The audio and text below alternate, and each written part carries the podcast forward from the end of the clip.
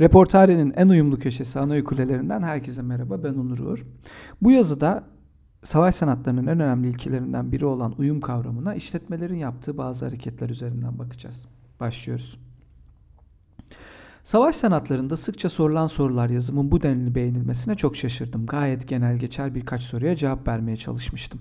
Ama bakıyorum ki dövüş sporlarına meraklısınız. Savaş sanatlarının işletmelerin bugün kullandıkları stratejilere ilham olduğundan daha önce bahsetmiştim. Strateji, lojistik, hedef gibi terimler işletmeciliğe askeri terminolojiden geçmiştir. Bilin bakalım askeri terminolojiye nereden gelmiş? Bu yazıda bazı işletmelerin savaş sanatlarının en önemli ilkelerinden biri olan uyum kavramına dair hareketlerine son romantik savaş sanatı Aikido üzerinden göz atacağız. Bunu siz istediniz küçük ninjalar.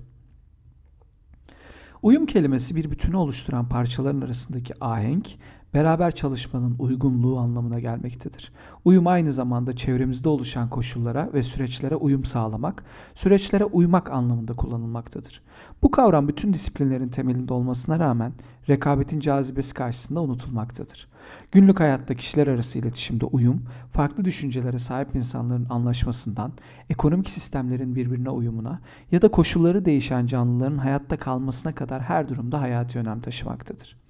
İletişim kurallarında hiçbir şekilde orta yolun bulunmadığı bir tartışmada anlaşamadığını anlaşmak, agree with disagree ya da yeni girilen bir pazarda o pazarın kültürel yapısında kaybolmamak yüksek uyumla sağlanmaktadır. İşletmelerin başarılarının altında strateji, misyon ve kaynaklar arasındaki denge yine uyumla sağlanmaktadır. Sıkıntılı bir durumla karşılaşıldığında, kaybetme korkusu içindeyken veya yapılacak hareketlerin bir bedeli olduğu farkındalığına varıldığında modern tıbbın stres diye nitelendirdiği duygusal durum içine girilir. Tarih stres altında yanlış kararlar veren liderlerin, krizler karşısında yolunu kaybeden işletmelerin hikayeleriyle doludur. Stresin vücutta 200'den fazla fiziksel belirtisi olduğu ve bu belirtilerin en bilinenlerinin kas gerginlikleri, titreme, terleme ve yüksek kalp atışı olduğu belirtilmektedir. Stres sadece fiziksel olarak etkilemez. Bakış açısı, düşünme yeteneği ve karar alma süreçleri stres faktörü yüzünden olması gerektiğinden farklı çalışır. Bu yüzden dövüş sporlarıyla uğraşan kişiler gerçek bir saldırı anında stres ve adrenalin etkisiyle donup kalabilmekte ya da bildikleri teknikleri unutabilmektelerdir. Bir cerrahın operasyon sırasında heyecanlanmaması hasta için ne kadar önemliyse bir işletmenin pazar koşullarına uyum sağlayamaması ve paniklemesi de aynı derecede önemlidir. İşte uyum kavramının önemi bu tarz kriz anlarında daha belirgin hale gelmektedir. Aikido sistemini kuran Morihei Ueshiba, güzel bir dünya yaratmak ve içsel güçlerinizi harekete geçirmek için uyuma güvenin sözüyle uyumun önemini ifade etmektedir. Kriz anları özünde normal zamanlardan farklı değildir. Bu bakış açısıyla zaman ve mekan kavramları bir tarafa bırakılırsa evrensel uyum bütün süreçlerin kolayca anlaşılmasına ve değişen akımlarla aynı doğrultuda hareket etmek konusunda kişilere oldukça yardımcı olacaktır. Aikido'nun fiziksel bölümünde saldırana karşı direkt bir güç kullanılmak, kullanılmamaktadır. Başka bir deyişle güce güçle karşılık verilmez. Pozisyonu koruyabilmenin bir garantisi yoktur. Bu yüzden gelen atak yönüyle aynı doğrultuda hareket ederek onunla bir bütün oluşturulur. Saldırı yapanla aynı yönde ve aynı doğrultuda hareket etmek onun perspektifinin algılanmasına, böylelikle onu uygulanacak ona uygulanacak stratejinin kolayca karar verilmesine yol açacaktır. Kişiye doğru gelen şiddetli bir yumruğun kişinin eliyle durdurulması en iyi ihtimalle elinin zarar görmesine yol açacaktır. Ancak gelen yumruğun doğrultusunu değiştirmek için geliş açısını 45 derece yanından bir vuruş yapmak saldırının atağına karşılık verilmesi, verilmesinin yanı sıra aynı yöne doğru bakılması için gereken alanı açacaktır. Aikido'nun zihinsel çalışmalarında ise uyum evrensel bir bütünün parçası olmaktır. Eğer tüm canlı ve cansız varlıklar bir bütünün parçası ise kişiye tehdit oluşturan karşıt güç aslında kişinin bir parçasıdır. Duygusal olarak uyumlu olmak kişinin karşısındakini rakip olmaktan çıkaracağı için ona karşı hissedilen öfke, korku, hayal kırıklığı ya da coşku gibi kavramlar önemini yitirecektir. Abraham Lincoln'un düşmanlarımı dostum yaptığında onları yok etmiş olmaz mıyım? Do I not destroy my enemies when I make them my friends sözü aslında bu duruşu özetler. Zihinsel ve duygusal uyumla karşıt kuvvet ile ahenkli bir şekilde hareket edilir. Böylelikle hareket kontrolü kişinin eline geçmiş olur. Uyum kavramı içsel ve çevresel uyum olarak iki farklı açıdan ele alınabilir. İçsel uyum kavramı işletmelerin paydaşları arasındaki uyumu simgeler. Çalışanlar arasındaki uyum bunun en temel formatıdır. Satış işletmelerinde satış ekibinin diğer fonksiyonları gerçekleştiren birimlerden daha önemli olduğuna dair yanlış bir kanı oluştuğu gözlemlenmektedir. Satışı yapan personel satışın yapılmamasının işletmenin sonu olacağını, maaşların bu satışlar ile ödendiğini ve işletmenin devamlılığını sağladığını düşünür. Bu düşünce diğer birimlerle uyumsuz çalışma ortamının doğmasına sebep olmaktadır. Kendini üstün gören birimler diğer birimlerin çalışma motivasyonunu düşüreceği gibi aynı zamanda yüksek özgüvenle hata paylarını da arttırmaktadır. Halbuki işletmeleri oluşturan bütün birimler aynı önem derecesine sahiptir. Üretim birimi üretimi sağlıklı bir şekilde sağlayamazsa ya da finans birimleri gerekli karlılık ve risk analizlerini yapamazlarsa satış ekibinin satabileceği ürünlerin varlığı ve devamlılığı tehlikeye düşer. İşletme içindeki birimlerin uyumu bu yüzden önemlidir. Çevresel uyum ise işletme dışı etmenleri simgeler. Tedarikçiler, kanun koyucular veya rakipler bu faktörlere örnek olarak gösterilebilir.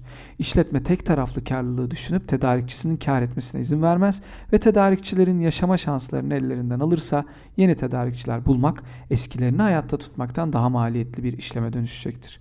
Yurt dışında olan tedarikçiler ile onların kültürlerini bilmek, tatil tarihleri veya kültürel kodlarına hakim olmak, kısacası onların dünyasıyla uyum içinde olmak sürdürülebilirlik için oldukça önemlidir. Örneğin bir Japon tedarikçiyle yapılacak bir yemek organizasyonunda iş konuşmak saygısızlık olarak nitelendirilebilirken Amerikalı bir tedarikçiyle durum bunun tam tersi olmaktadır. Kanun koyucuların regülasyonlarına uymayan işletmeler ise yüksek cezalar ile karşılaşacaktır. Rakipler ile olan uyum ise bambaşka bir durumu, durumu işaret etmektedir. Rakipler ile arasında konum işletmenin hareket yönü için önem taşır. Buradaki uyum tanımı rakibi kopyalamak ya da onun hareketlerini takip etmek anlamına gelmemelidir. Ancak piyasa ile uyum içinde olmayan bir işletme gelişen trendleri takip edemeyeceği için bir zaman sonra demode olmaktan kurtulamayacaktır. Çağrı cihazı üreten bir işletme rakiplerinin mobil telefon pazarına yöneldiğini okuyamaz ve yatırımlarını çağrı cihazları üzerinden gerçekleştirirse iflas kaçınılmaz olacaktır. Günümüzde dijitalleşme konuşulurken hala klasik pazarlama yapıları kullanan işletmeler ya da sona erecek ya da satın almaları büyük işletmelerin üretim altyapılarına katılacaklardır. Ayrıca rakipler aynı zamanda gelecekteki ortaklar olabilir ve bu durum işletmeler tarihinde sıklıkla görülmektedir. İşletme evlilikleri, satın almalar ve joint venture gibi ortaklıklar örnek olarak gösterilebilir. Bu süreçlerde uyum, devamlılığın temeli, uyumsuzluk ise sonun başlangıcıdır. Birleşen işletmelerin kültürel uyumu bile organizasyonların sonucunu ciddi şekilde etkiler. Peter Drucker'ın ünlü sözü kültür stratejiyi kahvaltı diye yer bu durumu çok açık ifade etmektedir. Buradaki kültür sadece işletmelerin mensubu oldukları toplumların kültürü değil, aynı zamanda işletmenin kendi kültürünü de ifade eder. Örneğin 1998 yılında birleşen Daimler Chrysler çalışanlarının görevlendirilmesi ve birimlerin çalışma esaslarındaki farklılıkların uyumlu bir modele oturtulmaması sonucu ciddi sıkıntılar yaşamıştır. Chrysler kolektif bir anlayış ile mühendis, tasarımcı ve pazarlamacılarını her model araç üretimde ortak bir çalışmada birleştirirken Daimler-Benz bu konuda sadece mühendislerin söz almasını istemekteydi. Bu iki felsefe birbirleriyle çatıştı ve maalesef Daimler 2007 yılında bir zamanlar Amerika Birleşik Devletleri'nin en büyük 3. otomobil işletmesi olan Chrysler'ı satışa çıkardı. Chrysler ise 2009'da iflas başvurusu yaparak varlığını sona erdirmek zorunda kalmıştır. Bir başka başarısız örnek sakatlık poliçesi satan iki sigorta işletmesi Unum ve Provident'in birleşmesi olarak gösterilebilir. 1999 yılında birleşen bu iki işletme satış alanlarının farklılıkları ve kültürlerinin farklı olması nedeniyle birleşmenin istenilen sonucunu verememiştir.